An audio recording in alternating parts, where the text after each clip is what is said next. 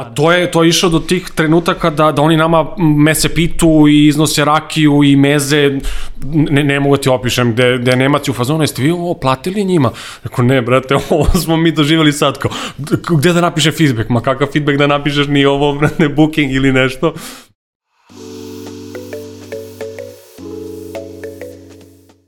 Poštovani slušalci i gledaoci, dobrodošli u još jednu epizodu Office Talks podcasta. Pre nego što krenemo, naravno mali podsjetnik, kao i uvek, preplatite se na naš YouTube kanal, kliknite na zvonce kako biste dobili obavštenje o svakoj novoj epizodi. Office Talks podcast izlazi svakog četvrtka u 10 ujutru. Takođe, ovaj podcast možete pratiti i na audio platformama, linkovi su dole u opisu ispod ovog videa ili u opisu samog audio fajla. A moj današnji gost je ujedno i moj dugogodišnji ortak, ako tako mogu da kažem, Nemanja Čedomirović. Nemanja, dobrodošao. Hvala Marko, hvala na pozivu i pozdrav svima koji slušaju i gledaju. Evo, danas nisi ovde u ulozi osnivača tvoje IT firme, već si u ulozi nekoga ko je slobodno mu kažem, jedan od osnivača jednog jako cool pokreta, o kojem ćemo svakako danas da, da pričamo.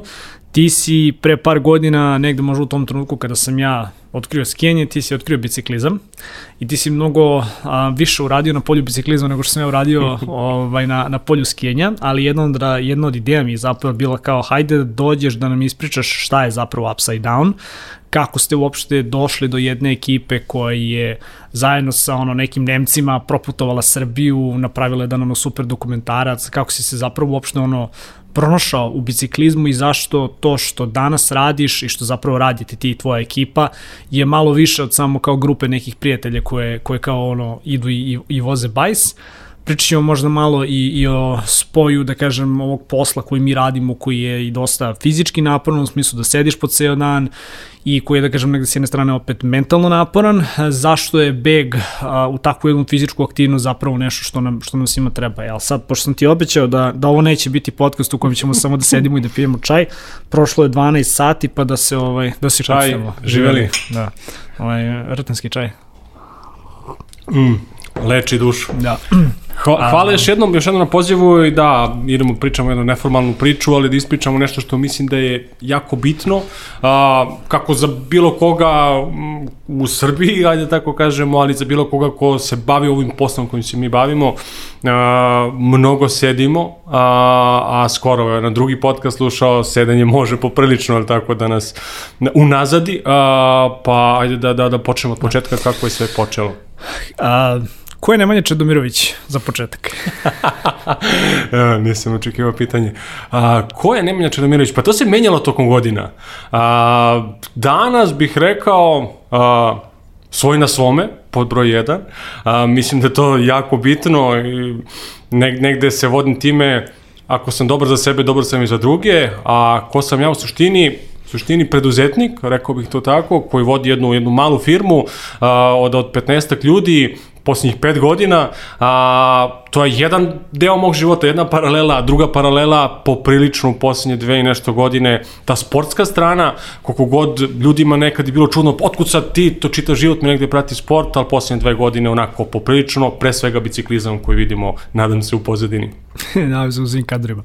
Dobro, ovaj, ti i biciklo. Kada ste mm. se prvi put susreli, zašto uopšte biciklizam, kako uopšte kreće ono kao tvoja neka, neka životna priča kada, kada je vožnja na, na dva točka u pitanju?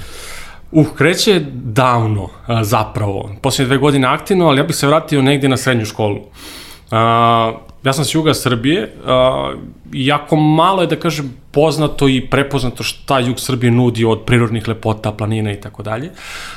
Negde moje detinstvo je tako da sam ja u, jednom, u jednoj kotlini živim, u dolini zapravo, a, i oko mene su gomila nekih prelepih planina. A, pored toga prelepe crkve i manastiri koji se nalaze na jugu Srbije ima ih onoliko a kako je takva situacija bila kod mene privatno, jedino prevozno sredstvo koje sam imao je bila bicikla.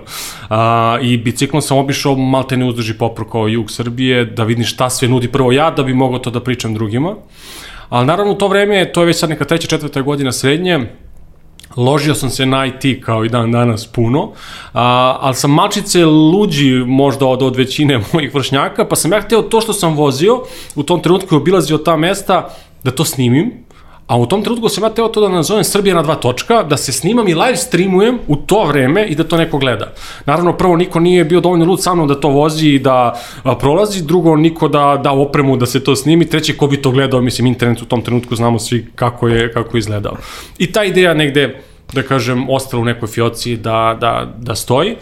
A, da bi mnogo godina kasnije, kad sam ja radio u jednoj, jednoj nemačkoj kompaniji, upoznam Predraga Spasovića, Peđu, koga, koga znamo obojica, gde on u tom trenutku poprilično vozi bicikl na, na nekom jakom nivou i kao, da, da, da, ajmo, idemo, pun gas i tako dalje. I sad ja kao, dobro, Peđa, nema vremena, ne mogu. Uvijek sam nalazio izgovore zašto nešto ne mogu da radim, a pogotovo kada je sport bio u pitanju. I tu se dešava jedan prelomni trenutak a, koji mislim da dosta veliki broj IT zajednice osjeća poslednjih godina sigurno, a to je da je moje fizičko zdravlje bilo uh, fizičko, fizički izgled, ali i, i zdravstveno stanje nije bilo na, na najzadovoljavajućem nivou do toga da sam imao 110 kg. Dobro, svi smo imali u nekom drugu preko 100 kg. da, a, da, sećam se i tvojeg perioda. a, I onda je to toliko eskaliralo da kažem da više, ono, mnogo sam mlad bio u tom trenutku da bi se tako održavalo na moje fizičko i mentalno i, i zdravstveno stanje. I onda je bilo, ok, šta radim da stvari dovedem u red?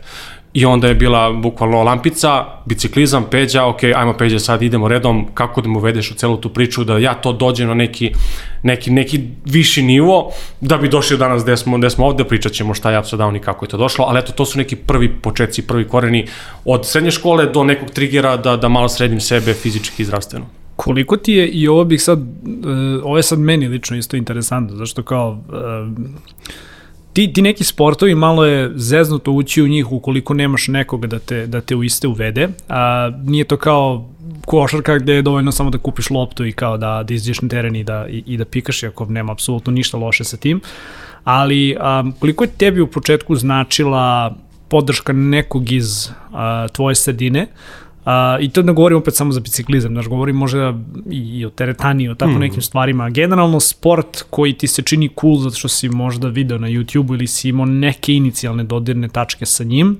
po mom nekom mišljenju je malo teško ipak započeti ukoliko nemaš nekoga pored tebe da te, da te malo, ono, da kažem, s jedne strane uvede, ali da ti negde ono sruši tu psihičku barijeru u vidu straha ja ako ja sad krenem ovo sam da radim, šta će prosto drugi ljudi da, da misle koji mm. se time bave duže, pa u tom nekom ovaj, smislu koliko ti je imanje peđi ili peđina podrška zapravo pomogla? Pa nemerljivo, ne samo u tome gde krenuti, kako krenuti, koju opremu, da li opremu, šta kupiti i tako dalje, nego mnogo više ne samo i biciklizam, nego et, i teretanu si pomenuo i, ne znam, skijanje i tako dalje. Mislim da je mnogo teži moment kako nastaviti, a ne kako krenuti. Zašto? Evo, teretana ja dolazim sa 110 kg prvi put u teretanu, nakon prvog treninga šta se dešava, ti si entuzijastičan, odlaziš super, a onda skapiraš da je to mnogo teško, mnogo zapravo te, zajebano. Zapravo te pukne ona inicijalna upala i onda jedno... Je, sutra no, dan ti si već, dana, ja ne idem danas. Da, dobrih desetak dana ti moraš zaista da imaš čeličnu volju yes. da nastaviš to da, to da radiš. E, tu dolazi, da kažem, nazovi mentor, nazovi podrška, nazovi drugar, orta, kako god, ko će te gurati, ideš dalje. Još jednom, a još jednom, pratiš ga, ideš s njim, Možda ti u neku ruku i glupo sad kao krenuo si s nekim, pa kao je sad da ispalim posle drugog puta to mislim da je mnogo bitnija ta podrška u tom smislu nego da neko krene. Krenuti je, ja bih rekao, svašta nešto u životu lako, ali nastaviti i pobediti i dostići neki level, e, tu je potrebna podrška i prijatelja i okoline i porodice da bi se nešto desilo.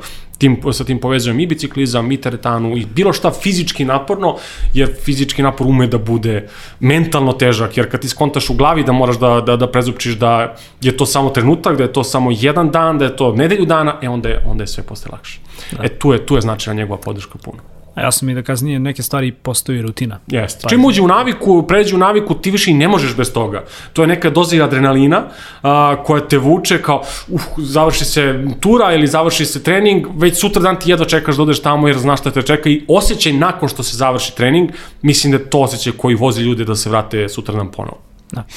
E sad, um, Kako zapravo izgleda, mislim, neću da kažem tvoj možda jedan trening ili jedna mm. vožnja, to nije ja sednem vozim bicikl par desetina kilometara, to su ipak malo ozbiljnije ture, nešto što posjećam možda na one etape kao Tour mm -hmm. de mhm. France, a kako, kako to danas izgleda uopšte? Ovaj, kako može izgledalo negde na početku? Kako da. izgleda danas? Tu bih možda i voleo da, da, da napravim jedan, nazovi odstupnicu ili, ili napomenu, da stvari koje smo mi uradili sa Upside Downom, o kojem ćemo, kojem ćemo pričati, su poprilično napredne. Ne bih voleo da to uplaši ljude koji žele da krenu u svet biciklizma, kao ja, to je mnogo teško, vi vozite po 500 km. Uh, pre nego što je nastao Upside Down, Peđa smo krenuli na najobičniju vožnju po gradu. Uh, ja sam imao neki krš bicikl koji sam tu terao što me ne kliđirao uzduži popreko. Sve što je bilo potrebno je da ja jedino stavim kacigu na glavu, bez kacige nema, nema, nema izlazak na bajs, i da sedne na bilo koji bajs koji imam, da bi uopšte krenuo to. I onda dan za danom ti vidiš kako napreduješ, kako ti se apetiti povećavaju, kako kilometraže ide gore, kako možeš jače, brže da voziš i tako dalje. Pa je sad da premotam kako to izgleda danas, pa ćemo pričati, vraćat ćemo se u Rikverc. Danas kombinujem nekoliko stvari. Znači, prva stvar je, koliko god uh, to glupo zvučalo, što više voziti, Znači, ja sam prošle godine čak i malo vozio, a to je nekih 3.500 km a, prošle godine na, na, na bajsu, a, jer korona me omela 4 meseca, nisam trenirao i tako dalje. A, znači, prvo, voziti što više bajs i što više brda voziti, što je vrlo specifično. Voziti po Novom Beogradu, bajs je super da idem do pijaci nazad, ali to neće uticati na trening nikako. Dakle, što više brda pod broj 1, pod broj 2 teretana, znači taj kor deo ko na, na, na, čo, na telu je jako bitan za, za, za bicikl, dakle teretana ne sad da dižem ne znam kakve tegove, ali prosto mora se ojača kor. I treća stvar, najmanje je volim, ali, ali je bitna, to je yoga. A, znači ta fleksibilnost na bajsu, istezanje pre i posle, izuzetno, izuzetno bitno. Tako, to su tri segmenta koje, koje da kažem, ja kombinujem E sad kako izgleda u proseku jedan dan treninga, a, vozim između 20 i 50 a, kilometara. A, uglavnom vikendima, malo jače ture, idemo do Avali nazad. Znači, meni s Novog Beograda do Avali nazad treba nekih 75-6 km. To je onako poprilično jako, ali to može da izgleda i mnogo manje. Odemo kolima, ne znam, ispod Avale i popnemo se do, do spomenika i vratimo se nazad. To je vrhunski trening. Završi se za sat vremena, idete kući mirni, top. Tako da kombinujem razno razne stvari i recimo sad kad je zima, uh, imam trenažer u stanu, uh, kači se bajs nazad, skida se zadnji točak, stavlja se nešto drugačije, neki setup, ali kao da vozi napolju, samo sam u mestu i tu vozim i brda i doline i tako dalje, samo na ekranu gledam šta se dešava, ne... Pustiš ne... ispred sebe neke ovaj video ljudi kako voze u prirodi i onda... da, Između da, ostalog, ali ima, zapravo sad je to otišao toliko daleko, imaš aplikaciju gde si ti na Tour de France i voziš njihovu etapu, njihovu turu sa njihovim elevacijama, bukvalno repre, replicirano i ti se takmičiš um, virtualno zapravo sa drugim, drugim ljudima, ali to je neki, da kažemo, drugi, drugi stepen, ne moramo njega da pominjemo. Da, to zvuči dosta cool. E, reci mi ovaj, početak Upside Down. Mm -hmm. Znači ti i Peđa ste manje više onako imali neku svoju vikend ekipu. A, zgotivili ste se, krenuli ste da vozite i odlučili ste da to neko vikend druženje preraste u, u jedan pokret, ako tako mogu da kažem. Pa jeste, ali samo možda korak nazad, priča počinje od toga da Peđa živi radi by the way u Nemačkoj, već x iz godina. I ono Kad ne putuje, onda je uglavnom u Nemačkoj. Da, da.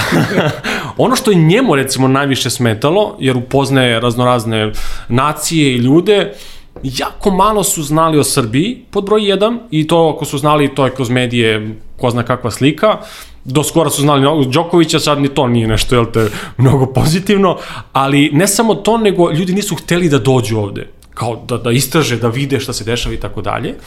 E sad u Nemačkoj i svim razvijenim zemljama biciklizam je neverovatno mnogo razvijen. To je level razvijenosti, mi nećemo dostići narednih 50 godina ovde. Isto je sa tim drugim nekim sportovima, alpinizam, skijanje, da. te, te neke stvari, ne znam da li je to samo zbog više platežne moći, ima sigurno i u tome, ali ima valjda i do prisutnosti takih delova, ali... Pa i kultura i mindset i tako dalje, mislim, ja sad ne smem da, da izađem u Jurija Gagarina na bajs, pa otkinuće mi glavu ovi što voze automobil, mislim, ja prvi kad vidim, ja prvi opsujem, a ne bi trebalo, jer mislim, ta, takva smo kultura, takva smo nacija. I sad, ono što je on, on je došao na ideju, e, ja volim mnogo bajs, a, mnogo volim svoju zemlju, kako ja kao pojedinac mogu da utičem na to da makar delić promil uh, promenim sliku o Srbiji u svetu. I tu se rađa ideja za upside down. Zašto upside down? Gore dole, jer tako, vozimo se uzbrdo, idemo nizbrdo, ali okrećemo na opačke čitavu sliku o Srbiji negde, negde vani. I ultimativna ideja njegova je bila kako da mi izvezemo neke prelepe predale kod nas u Srbiji, da to snimimo i da objavimo online, da to svi mogu da vide.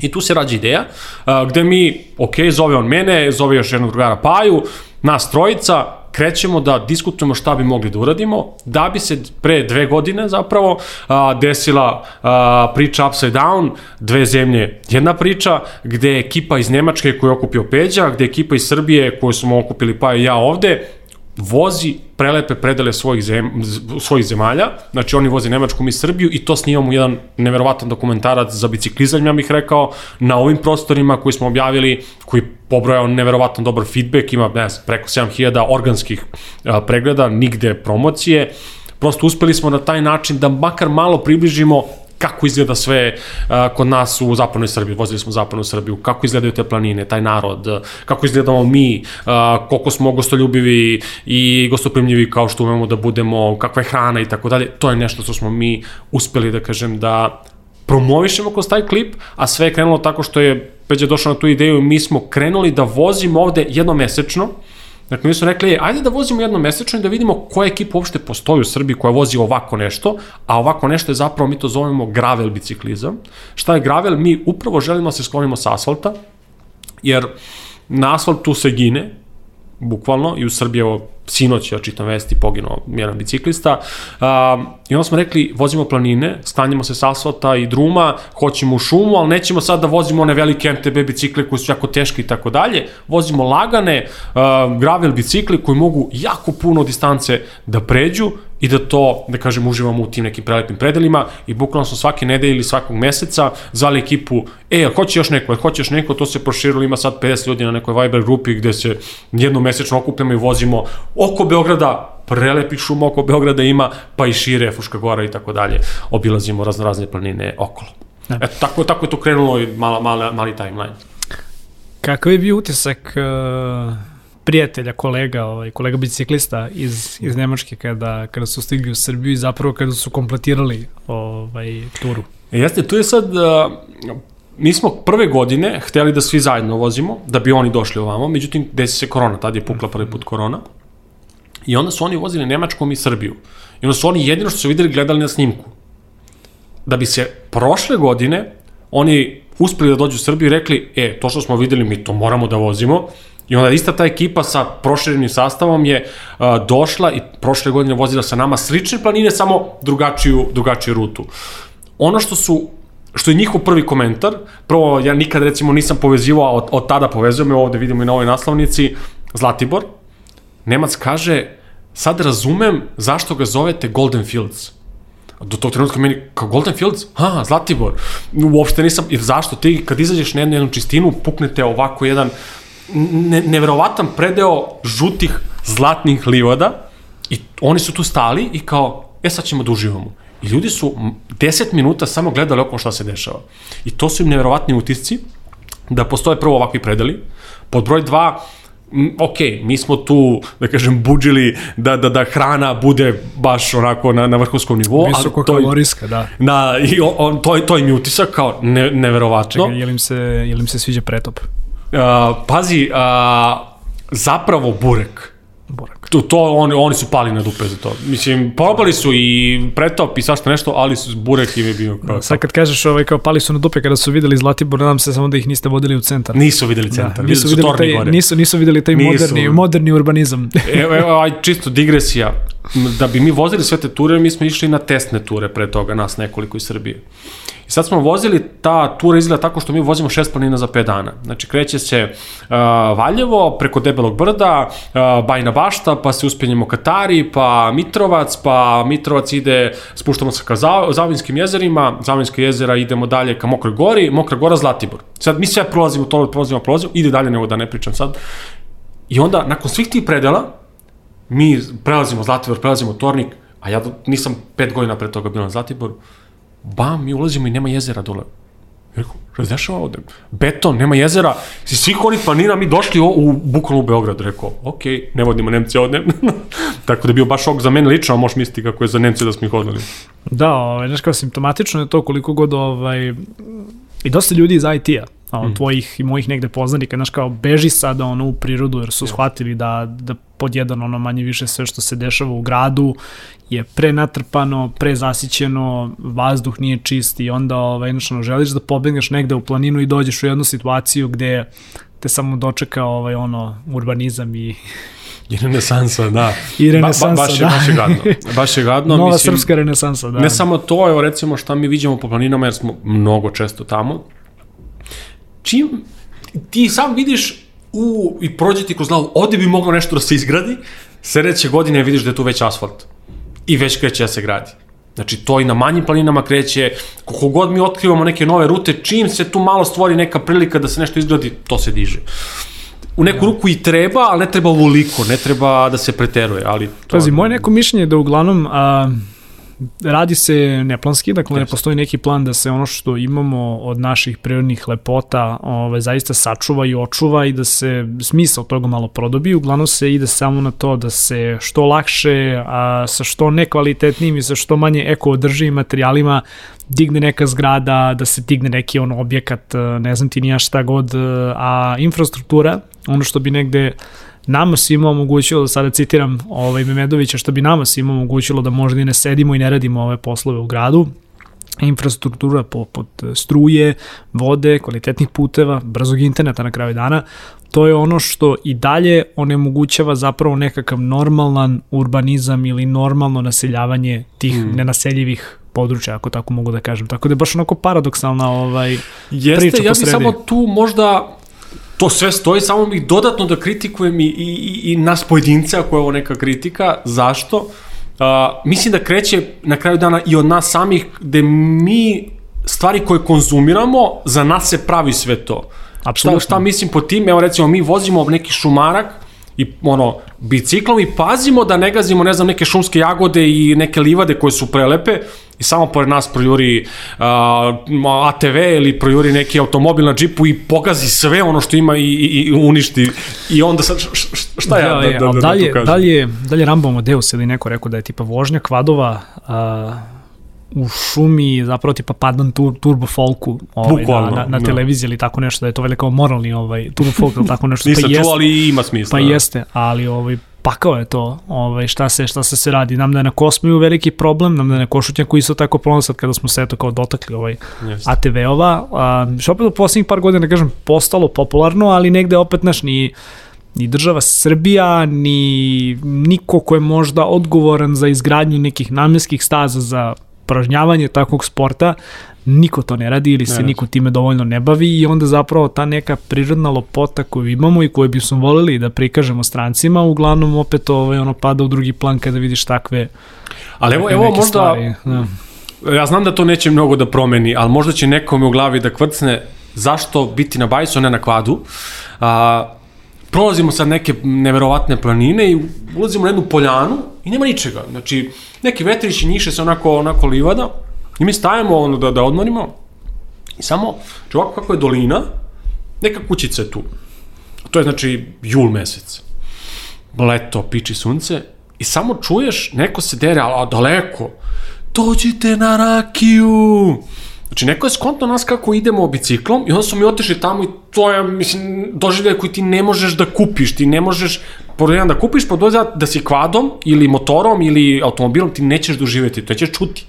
Jer ovdje si stao, otišao bajsom, video, neverovatno. Eto, jedna, jedna scena koja prosto ne može se doživi ako si na nečemu bržem od, od bajsa. Da. A, to sam iskreno da te pitam, kakve su reakcije ljudi gde vi sada dođete sa tom nekom povećom ekipom, tu su i neki stranci, mm kakve su reakcije, da kažem tamo ono, lokalaca, seljaka, ove, šta, ja, šta oni kažu, kako, kako vas dočekaju na kraju ma dana? to je, to je išlo do tih trenutaka da, da oni nama mese pitu i iznose rakiju i meze, ne, ne mogu da ti opišem, gde, gde Nemaci u fazonu, jeste vi ovo platili njima? Rekao, ne, brate, ovo smo mi doživali sad, kao, gde da napiše feedback? Ma kakav feedback da napišeš ni ovo, brate, booking ili nešto? Znači, to, to su neverovatne scene, o, sko, skoro je to bilo, znači nije bio upside down, vozili smo random, u Krupnju, ne, jedno, jedno onako vrlo nistraženo mesto, ali jako interesantno, peglamo mi, mi sad stavimo i litica dole ogromna, a, i kut, dve kućice dole, jedna nas, nas pro druge, i dole maše neko, dođite na kafu, mi se spuštamo dole u dolinu, popili kafu s tim ljudima, u životu ih videli nismo, koste, šta, neverovatne scene, ili recimo scena, a, to je znači random bila scena, scena za Upside Down sa Nemcima, vraćamo se preko, znači treba da a, završimo krug oko Zlatibora i treba se popnemo na Tornik.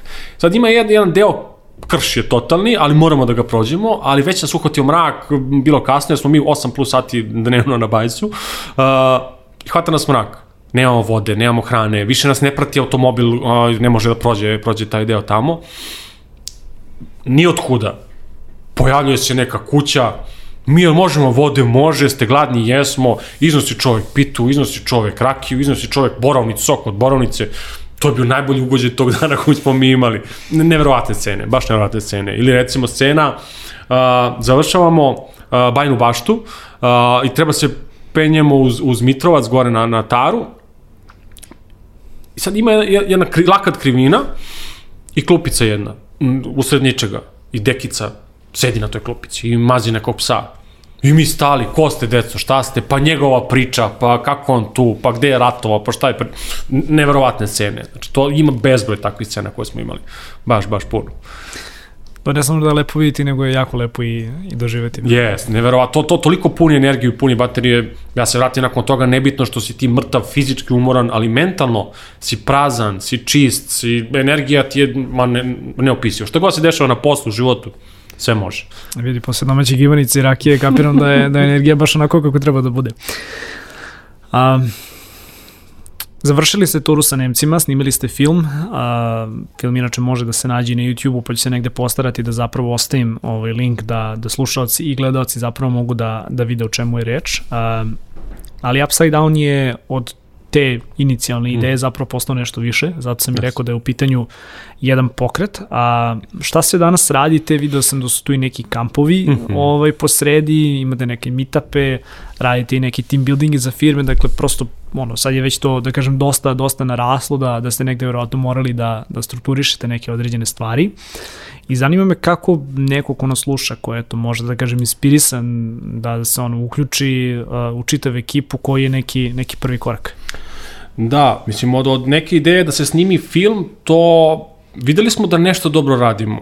E sad, kad mi vidimo da nešto dobro radimo, ne može samo da ostane na tome, nego, ok, šta još? Ajmo, ajmo korak više, korak dalje.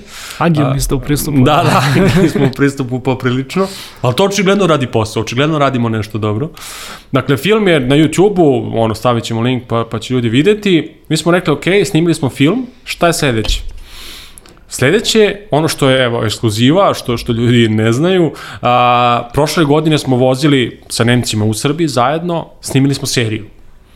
Serija će biti koliko sledećeg meseca prva epizoda live, znači bit će 5 dana smo vozili pet epizoda, nešto smo mi radili, nego, nego što je stvarno kvalitetno, to je jedna od najkvalitetnijih bici serija koju ćete naći verovatno na, u ovom delu Evrope. Uh, produkcija na najvećem mogućem nivou, kadrovi, priča, sve sve je vrhunski. Dakle, ultimativna ideja je sad, bukvalno pokret, da mi pokušamo da kroz videoklipove koje ćemo praviti, postavimo Srbiju na mapu neke biciklističke, neku, neku biciklističku mapu Evrope. Već sada, kroz, odnosno na prethodni film, jer sve te rute su snimljene, GPX fajlovi postoje, ljudi dolaze. Znači, ljudi se, nama se jave kao, e, mi bi došli, videli smo, super, dođi, vodimo te.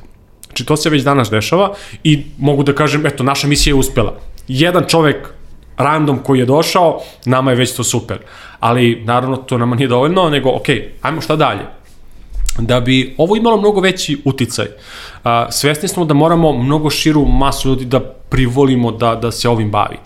Da bi to uradili, mi ove godine, dakle to je sa treće godine Upside Downa, pravimo biciklistički kamp, po prvi put na Balkanu, maltene se pravi jedan biciklistički kamp, gde želimo da omasovimo da potpuno jedna, jedna random osoba, da tako kažem, neko ko apsolutno nikad nije seo na bajs, može da dođe i doživi nešto što do tog trenutka u životu nije doživeo i da, da nastavi da... Preduslov je samo da zna da vozi bicikl. Pre, to je jedini preduslov. Znači, nema da ima, ni, eventualno kacigu od ono 2000 dinara neka kupi na ne znam gde god.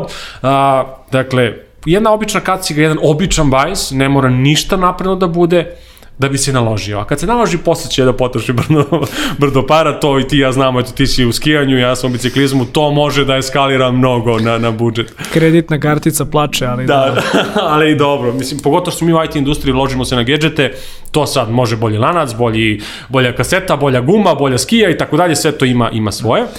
E sad, ideja je ove godine kamp, četiri dana, da pod broj 1 uh, omasovimo što više ljudi da dođe i da proba da vidi, da oseti, da doživi. Pod broj 2 da kamp je otvoren za sve i sad, ajde, mogu i to da otkrijem, malte ne je bukiran ceo, jer je to jedno etno selo, odnosno country klub koji smo mi bukirali da bi se izdvojili iz, iz grada, iz asfalta, malte ne su ljudi razgrabili odmah, što je interesantno, još jedan dokaz da misija uspeva, uh, javio se čovjek iz Hrvatske, e, ja sam video bok kompa, ja sam video vas na Instagramu, jel mogu dođi? Možeš. Čovjek iz Makedonije kao, jao, super, mogu dođi? Možeš. Nemci neki kao, možda? Može. E, to je negde, negde priča koju kamp promoviše, dakle, doći će obični ljudi, da kažem, koji nikad nisu vozili, doći će neki poluamateri, doći će poluprofesionalci, znači doći će jedna, bit ćemo imati ekskluzivne goste, doći će jedna, jedna žena koja je vozila, obišla čita svet na bajsu, dakle, išla je na put oko sveta bajsom, doći ona da ispriča neku svoju priču, da prosto i edukujemo malo ljude šta zapravo to znači, koliko sport može da utiče i mentalno i fizički i privatno i na poslu i tako dalje. Tako da to se dešava treća nedelja jula. No, ništa, onda, ovaj, grota, grota i da kažemo, ovaj, ko, ko želi više da sazna o čemu reči, da se prijavi, ostićemo link, ali ovaj, nadam se da ćete možda ono kao raditi više tih kampova. E, biće ili toga... do kraja godine ili, ili ono, naredne godine. Što da to ne? si pomenuo i pojedinci, dakle, sajt je upsidedown.cc ili Instagram nalog upside down, Srbija upside down, uh, ono što mi radimo mimo kampa i mimo, da kažem, tih velikih događaja, a, pošto smo iz Beograda, pa pre svega to bude u Beogradu, to su mesečni događaji, odnosno mesečni meetupi, a, gde se mi okupljamo kroz jednu Viber grupu, dogovaramo, e, ovog, ove nedelje vozimo Kosmaj, ili vozimo, ne znam, Bojčinsku šumu, ili tako dalje, ima, ima raznih lokacija. Ništa, ništa bez Viber grupe, a? Da, ništa bez Viber grupe, u Srbiji vole svi Viber, pa ja prvi. E, Whatsapp, Peza ćemo biti, on je Whatsapp lik. A, ali mesečno se okupljamo, prosto, e, ne morate uopšte da, da ni vozite s nama, dođite vidite Kosmo, da, da popričamo i da vas možda uvedemo malo, malo priču, jer mi možemo da budemo vaš Peđa, kao što je Peđa meni bio i da vas malo bodrimo i damo podršku i nekako se uvedemo u ceo ovaj svet. Dakle, to je druga stvar, mimo kampa.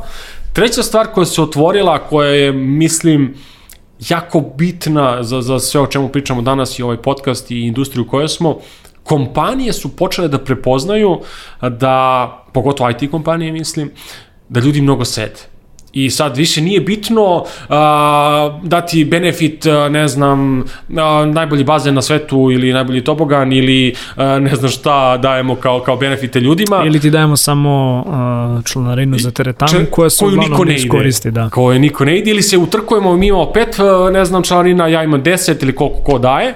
Ono što su počeli ljudi da daju, evo ti produženi vikend, evo ti dan na planini, evo ti sportski dan, evo ti tako nešto što utiče da, da se pokrenu ljudi, jer se da. korona, ono što je pomogla korona, pomogla je toliko da Office nije naj, jako je Office Talks, je tako? da. da Office nije najbitnija stvar da bi ljudi performovali, jer pričamo o performansu uvek. Vidi, znači, uh, među osnovu, ok, posao i neke stvari ovaj, uh, su možda jedina stvar koja me drži u gradu, kao tako sad mala naravno digresija, ali ovaj, probao sam više puta da ovo bude ono countryside talks, ovaj, da sam čak imao i, i, i ovaj, ideju, znači, pošto ovaj, ja često idem na taru, mm -hmm. ovaj, ono, ili sam na kuponiku da, da, da. na skijanju, ili sam tari onako da se malo pobegne, ali ovaj, imam te neke ono kao kućice koje, koje tamo rentam, te ono ideja bukvalno bila ajde naš ono da odem na nedelju dana, nasnim 4-5 epizoda i onda mogu naš ono da, da blame tamo da. ovaj, sa ili se gostima ili da, da blame ovako sam, nažalost, ova infrastruktura A moći će to u neku neke trenutku. stvari, za neke stvari predstavlja limitirajući faktor, ali ovaj, naša dobra je, dobra je, ovaj, dobra je scenografija. Umesto, mm Umesto da kažem ono kao... Umesto- je planina neka Pa iza. ne, pazi, ne, ili na šta, možda radiš to ono, out, outdoor podcast, ali umesto, znaš kao, cvrkut ptica Da. pozadini. Ali umesto, znaš kao, ovaj, ono, a, ovih fascikli i, i ne znam ti nija čega, ovaj, registratora da imaš zapravo ovaj kao kamin i ono kao koji pucketa u pozadini, mislim, da. Pa evo ti digresija totalna. Steve O, jesi vidio šta radi? U, ima minivan, je, i tu ima podcast, celu produkciju da, koju, da. koju ide, ili recimo serija Billions, pa imaju podcast epizodu pored kamina, tako da, Da. to ti je, to ti je Ja, taj znaš šta. Ameri su meni fascinantni, sad opet digresija broj 2, ali Ameri su meni fascinantni a, koliko su popularizovali van life. Yes. Kod nas, i kao planirao sam da, da ih zovem, kod nas ima baš onako par ekipa, ovaj, Votifnes je jedna od njih, Mhm. a, Mladi nomadi, ne znam da li, da li znaš za to njih. je ali- naše, naši drugari iz Da, Čepa da. koji vozi s nama je nji- njihov član, Jeste, da kažem. ovaj, a, planirao sam i njih, mm -hmm. ono u jednom trenutku, naravno kada budu bili u BG-u, da, da zovem svakako podcast, ali koliko su Ameri negde uspeli da popularizuju taj nomadski način života, a koliko je to kod nas i dalje teško videti. Imaš par ljudi koji rade, A a, sve jako više. je radikalan korak na koji se neko mora mm. ovaj, odlučiti.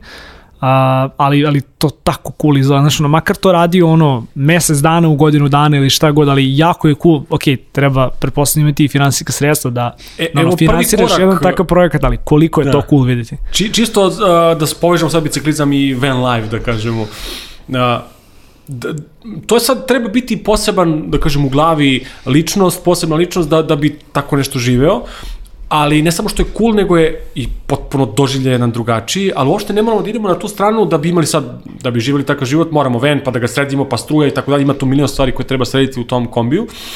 Ono što može da se uradi, bicikla i takozvani bikepacking. Uh, šta to znači? Sve što treba da uradimo je takozvani self-sufficient, da budemo samo dovoljni sebi, a to je zakačimo šator, zakačimo madrac ili kako se već zove, uh, koje sad srpsko kaže, dušek. Dušek, Uh, da. dušek. dakle, sve može da se spakuje na bajs i da odemo na planinu i on nedelju dana živimo u šatoru i uh, ponesemo sve za spremanje klopi i tako dalje. Znači, ljudi to masovno rade. Da. U Srbiji nula poena, ali će doći i to, ali to je to prvi korak. Probamo to, ako ti se dopadne tako nešto, ok, sledeći korak, neki kombi ili šta. Da, a, znaš šta, to je isto fascinantno, digresija broj 3, kao koliko stranci zapravo uživaju i u kamperima, i u kampovanju, i u Koliko mi ne. koliko mi ne. I onda kao, ajde sad kao da probaš da kategorizuješ kao turizam ono, u inostranstvu, šta je to čemu stranci teže, šta je to ono čemu mi, mi težimo. Ovaj, uglavnom je to kod nas gde ima da se negde ono pobegne ovaj, ono, izvan grada, da se nešto vidi, ali ono ključno da ima se nešto pojede. Mm. Ovaj, stranci nisu takvi. Stranci su, da kažem, više okrenuti nekom doživlju, nekoj akciji, nekoj prirodi na kraju dana, ali to isto što si pomenuo za, za bike packing, mm. a, rade ljudi, doduše ne kod nas, ali rade ljudi i za skijanje. A, Što je ima jako toga, da. interesantno. Ono, zimsko kampovanje, Mogu misliti ko je poseban doživljaj. Ali, Da. da. e, e, a, sad, ok, otišli smo all over the place, nema veze, e, došli smo da se ispričamo i popijemo dobro pivo. A, jednu predrasudu koju bih da srušim možda ljudima, dakle, mislim da ne postoji planina u Srbiji koju nismo obišli u poslednjih par godina. Hrana, pošto mi dičimo, da kažem, i hranom i to, hrana je svuda ista. dakle, hrana u Srbiji je manje više svuda ista. Nije sad tu, jao, znaš kakvu hranu znam. Ne, sve se to svede na, na, na jedno te isto i, I kvalitet je manje i više... svuda, I svuda je uglavnom jako dobro. Imaš naravno Jest. specijalitete Jest. samih krajeva, ali svuda je uglavnom dobro. Neko je Jest. teško da ćeš odeš bilo gde u neku ono pravu domaćinsku kuću da nećeš pojesti nešto Nema što nije iz da. njihovog iz njihovog doma, iz njihovog dvorišta, što bi se... Jest, jest, Što bi se reklo. da... A gde smo stali posljednji put? Pa pričali smo zapravo o tim buildingsima. Zapravo. Kompanije, smo buildingsing, da. O, firmama, da. A, ima tu jedna stvar a, za team buildinge i za, za generalno IT kompanije i mislim da je mnogo bitna tema, tema koju jako mali broj ljudi obrađuje, a pogotovo se bavi njome, da ne pričamo da kompanije su nekako gurale po tepih možda to, ali se nadam da to i viđam već, da, da, da, da se to dešava, a to je mental health, to je mentalno zdravlje, to je uh, i burnout, i depresija, i anksioznost, i panični napadi i tako dalje. To je nešto što prati na žalost našu industriju, koliko god uh, ljudi koji nisu u našoj industriji mislili pa da, lako je vama, vi sedite po ceo dan i čukate nešto po nekom laptopu, izuzetno je stresna industrija, svestan si toga, a, izuzetno mnogo pritiska a, je, je u industriji prisutno, a, prosto je tako, ne mogu da menjam industriju, ono što mogu, kako se ja ophodim prema, prema tome a, i sa tim situacijama kako se borim, mislim da ne poznajem u mojoj bližoj, pa čak i široj okolini, a, nekoga ko nije išao ili ne ide trenutno kod nekog terapeuta i plaća neke, neke seanse, a, ja sam bio, da kažem, jedan, jedan od tih u jednom trenutku, uh, kombinacija svih privatnih poslovnih stvari. Uh, meni je biciklizam izvukao iz svega toga i pomogao mi je da sredim glavu. Uh, taj moment kada ti odeš na planinu i, i čitav dan ili pola dana si na bajsu, nebitno koliko sad ti tu brzo, jako, snažno voziš, voziš tako dalje, bitno je da se isključiš, taj jedan dan ti si otišao potpuno negde drugde Nema mailova, nema, nema računara, telefona, da, da. nema telefona, nema, ne radi u šumi, ti teo, ne hteo, to, to ne radi tamo.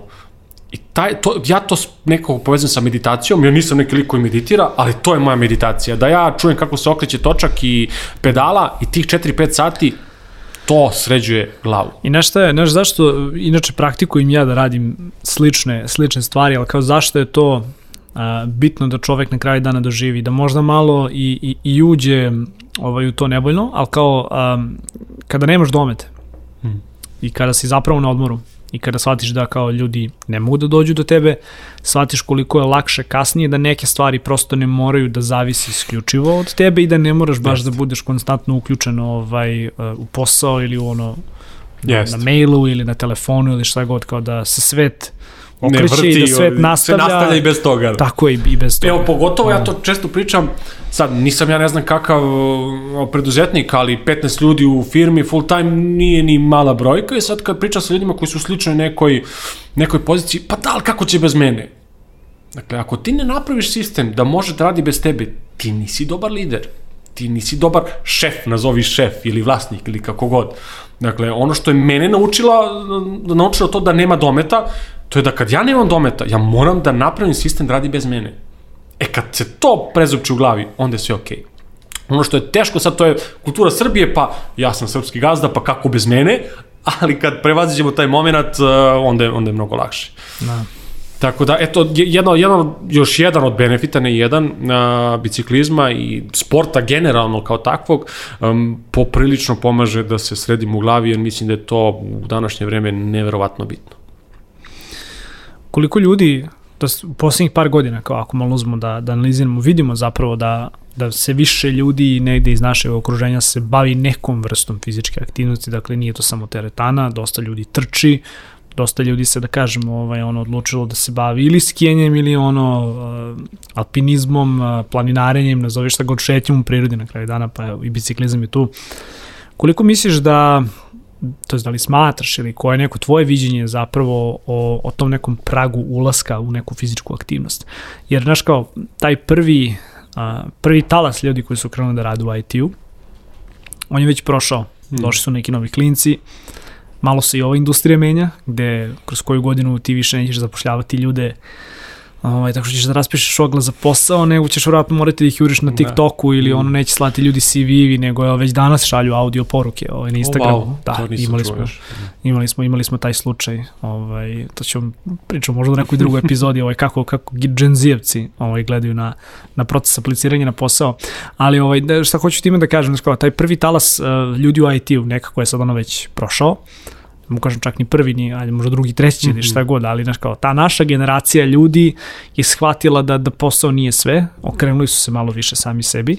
A, da li smatraš da imamo dovoljan broj ljudi koji imaju neku fizičku aktivnost, nešto što rade sa strane, ili nažalost taj teret ove industrije, uh, ono, i agencijski posao i klasičan da kažem ono, ovaj, klinski posao, Da li smatraš da je negde taj teret prosto ovog ubrzanog života koji živimo i dalje tu sve prisutan ili si ipak, da kažem, malo ta skala ovo, ipak pomerila na, na bolje?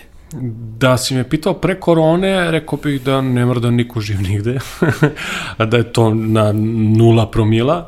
A, korona je doprinela puno, a, mislim da je taj broj drastično veći, ali da je i dalje nedovoljno nedovoljno veliki, da je ogroman, ogroman potencijal da se, da se pokrenu svi. Ja sad tu ne kažem da svi treba da vozimo bajs 5 dana u nedelji 8 sati dnevno, ali posle posla sat vremena svako može na šetnju, na trčanje, na šta god.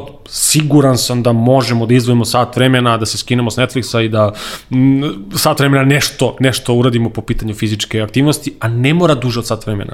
Sat, mi sat vremena je mnogo, 45 minuta sasvim dovoljno svakog dana da se bavimo nečim fizički. Uh, ono što mi je pozitivno je da viđam kompanije koje uh, teraju svoje zaposlene maltene da se da se fizički kreću. Mislim da je to bitno za te kompanije da su prepoznale da nije, ja, pa kako sad ako ja njemu dam slobodan dan da se bavi time, radit će manje. Ne, ta osoba kad se vrati radit će više, jer će biti produktivnija, fokusiranija, manje pod stresom i tako dalje, nego, nego da, to je, to je velika ovaj, velika zabluda menadžera i firmi da ljudi rade od 9 do 5, a to što postoji radno vreme uglavnom ne znači da je, da je efikasno. Ništa Vidimo i znači. primer nekih domaćih kompanija koje su uvele četvorodnevnu mm -hmm. a, Mhm. radnu nedelju, ne šire to baš na, na, na, na sav glas, ali a, koliko može da prineseš svojim ljudima da budu produktivniji, da budu zdraviji, Mhm. a, to da ćeš na kraju dana i ono, output da, da dobiješ na poslu. Znaš šta mi je pozitivno? Na, na, na, nakon prošlogodišnjeg Upside Downa, a, jedna od firmi koja, koja je nama, da kažem, bila partner, javlja nam se, rekao, pa mi smo uspeli, to je to. Javlja nam se da nam kaže da su zaposlili dve nove osobe koje su došle tu i birali su između nekoliko firme, kao, e, mi smo došli kod vas, videli smo da ste, promo, da ste podržali Upside Down. Kao, neki budući zaposleni je prepoznao da firma promoviše zdrav način života i zato su odlučili za njih. Pa to, ovaj, um, možda je pogrešan izraz, ali alajnovala se ili priklonila mm -hmm. se nekim vrednostima, što Jest. je danas možda i redkost, Je, redkost vidjeti. Da. Jeste, poprilična redkost, da. zato što i dalje kompanije gledaju, aha, šta ja dobijem za to, jel mogu to da izmerim nekako, da. kako ja da izmerim to što ti se neko zaposlio zato što je odabrao video da ti podržaš Upside Down, vrlo je I nemerljivo. pogotovo što kao, znaš, nije, nije ovde u pitanju, ne znam, ono kao uh, biciklistički komitet Srbije, nego ipak jedna ono mlada, nezavisna pre svega organizacija, koja je uspela da, na ono, i, da, ono, mislim, klasičan grassroots pokret, ali neko je mora da, da podrži Jeste, to ali malo ne smo mi rešavali naš problem, a to je kako nas da pokrenemo i kako mm. po, na sve to nekako promovišemo Srbiji, to je došlo ovde gde je danas, a to je da mi kapiramo koliko je bitno da se svi krećemo i da, da sednemo na dva točka ili peške ili kako god, ali da se pokrenemo fizički. Koji su vam sledeći planovi za, za Upside Down? Kamp se svakako održava na leto pa se održava, šta je dalje? Da, imamo sad tu naravno gomilu nekih ludačkih ideja. A, ono što verovatno neće biti ove godine, ajde se prvo jednu veliku ideju pa ću onda svesti na, na, na niže. Kratkoročni i dugoročni plan. Da, ajde dugoročno, a, ono što je popularno u svetu, a, a kod nas naravno sve kaska, a to je country divide, odnosno oni kažu a, kako jednu zemlju dijagonalno možeš preći bajsom self-sufficient. Dakle, ono što mi hoćemo da uradimo u jednom trenutku je da prođemo Srbiju dijagonalno, samo na bajsu, znači bez spavanja u šat, bez spavanja u hotelima, u auto i tako dalje. Jedino što imamo je bajs i sve što imamo na bajsu i to je to, nemamo ništa. Hrana, voda, šatori, spavanje, dakle, to, to je jedan, jedan pokret i koji ljudi poprilično, poprilično da kažem, um, respektuju, odnosno poštuju u drugim zemljama. To je jedna velika ideja koju hoćemo. Um, što se tiče ove godine, dakle, desit će se kamp u julu. Uh, pored kampa dešavaće se nedeljni i mesečni događaj gde mi okupljamo kogod hoće da se vozi s nama po Beogradu, oko Beograda i šire. Kao meetupovi. Kako? Kao meetupovi. Kao meetupovi, samo svodimo IT meetup na biciklizam, možemo da pričamo, što da ne, što da ne pričamo o, ne znam, lupiću sad zapošljavanju u ne znam koje deo firmi i usput se vozimo jedno 15-20 km što da ne. Dakle, biće, biće, biće takve stvari sigurno. A, ono što će svakako da se desi je a, jedan, jedno putovanje van Srbije, gde ekipa Upside Down ide i vozi Toskanu. A, to je takozvan jedan Toskani trail, jedna jako teška tura, nevjerovatno mnogo kilometara, mnogo uspona, što je mnogo teže nego kilometraža, da pokažemo da ekipa ovde nije samo lep Instagram koji mi imamo i lepe slike, nego stvarno možemo da vozimo jako. Dakle, to će se desiti i desit će se jedna stvar tamo negde u septembru. Dakle, mi sve ovo što radimo je da kažemo, da, da, da bi podržali, da bi se ekipa okupila, da bi se vozilo, da bi se uživalo. A, jedna stvar koja će se desiti u septembru, a, a to je trka, a, hoćemo da, da promovišemo neke krajeve koji nisu toliko popularni, jedan od njih je Krupanj, a, koji ima jedno od mnogih stvarima, ali jedna od njih je najduža u kilometrima pijaca na svetu što jako mali broj ljudi u Srbiji to zna i hoćemo da kroz jednu trku koja će da omasovi celu tu priču da, da pokažemo kako to se izgleda da vozimo između svih tih kilometara te, te pijace, mnogo kilometara pijace ima, stavit ću link neki da, da, da, vide, da vide ljudi. Dakle, desi se ta trka i koliko god mi ne bili trkačka organizacija, eto, imamo neku ideju da, da to tako uradimo. I sem toga, mislim da je više nego dovoljno, imamo, imamo da kažem, primarne poslove koji nas okupiraju, ovo je nama i dalje side hustle, stvar koju mi pre svega uživamo i mi se vozimo da bi, i mi organizujemo da bi se mi vozili, pa tek onda da imamo nešto više od toga, ali eto, to su neke ideje za ovu godinu. Upside Down CC, newsletter, prijavite se, ono, da se vozimo, da se družimo i da malo pričamo kako biciklizmu, ali u IT industriji, što da ne. Malo li je? Malo li je. Nemanja, hvala ti puno što si bio moj današnji gost. A, svakako ono, linkove za sve stvari o kojima smo danas pričali ostavit ćemo a, u opisu ispod ovog videa ili u opisu samog audio fajla ukoliko ikada odlučim da, da probam ovaj biciklizam, a, iako je malo frka i kao generalno se obraćaju ovaj, ono, dosta, dosta ludim od tvojih kolega koji, koji vole da praktikuju taj sport Slažem. u gradu, a, ali od dostave, to je, to je opet ovako jedan, jedan, jedan, uh, to je posebna da, sorta. Da, to je posebna sorta, bojim se, bojim se da, da bi to zahtevalo i više alkohola, ali i da. poseban da. podcast na tu temu. Ako, ikada, ako ikada odlučim da probam biciklo, ja ću se tebi javiti, a ti ukoliko ikada odlučiš da staneš na skije i da vidiš kako je to ovaj, u backcountryu ili kako se skida, skija ovaj, u puderu, ono, Pazi, javi se meni, javi se meni pa da, pa da vidimo, jebi ga ovaj, ono, gde smo, šta smo i kako smo. Biciklizam da. i skijanje idu ruku z ruku, jer tu rad nogu, rad kolena, pritisak na kolenima, ti neki pokreti, vrlo, vrlo je to slično, a, tako da što da ne, hvala još jednom na pozivu, uživao sam, jako smo pričali o svemu i svačemu, mislim da će ljudi izvući neku, neku poruku i na kraju dana, bile to skije ili, ili dva točka, poruka je pokrenite se, mislim da će vam mnogo, mnogo značiti. And hvala on that bombshell, završimo epizodu Nemanja, hvala ti puno. Dragi slušalci i gledalci, hvala puno što ste bili sa nama do kraja ove epizode. Nadam se da ste uživali. Svakako zapratite a, Nemanju na Instagramu, a, čekirajte a, sajt upsidedown.cc, čekirajte i uh, Serbia Upside Down na Instagramu, a toliko od nas u ovoj epizodi, mi se vidimo naredne nedelje, naravno ukoliko vam se svidelo o čemu smo danas pričali, a preplatite se na naš YouTube kanal, kliknite na dugme subscribe, kliknite na zvonce kako biste dobili obaveštenje o najnovim epizodama. Office Talks izlazi svakog četvrtka u 10 časova ujutru, takođe naš podcast je dostupan i na audio platformama. Toliko od nas za danas, a vi se, a to je mi se vidimo naredni četvrtak. Ćao!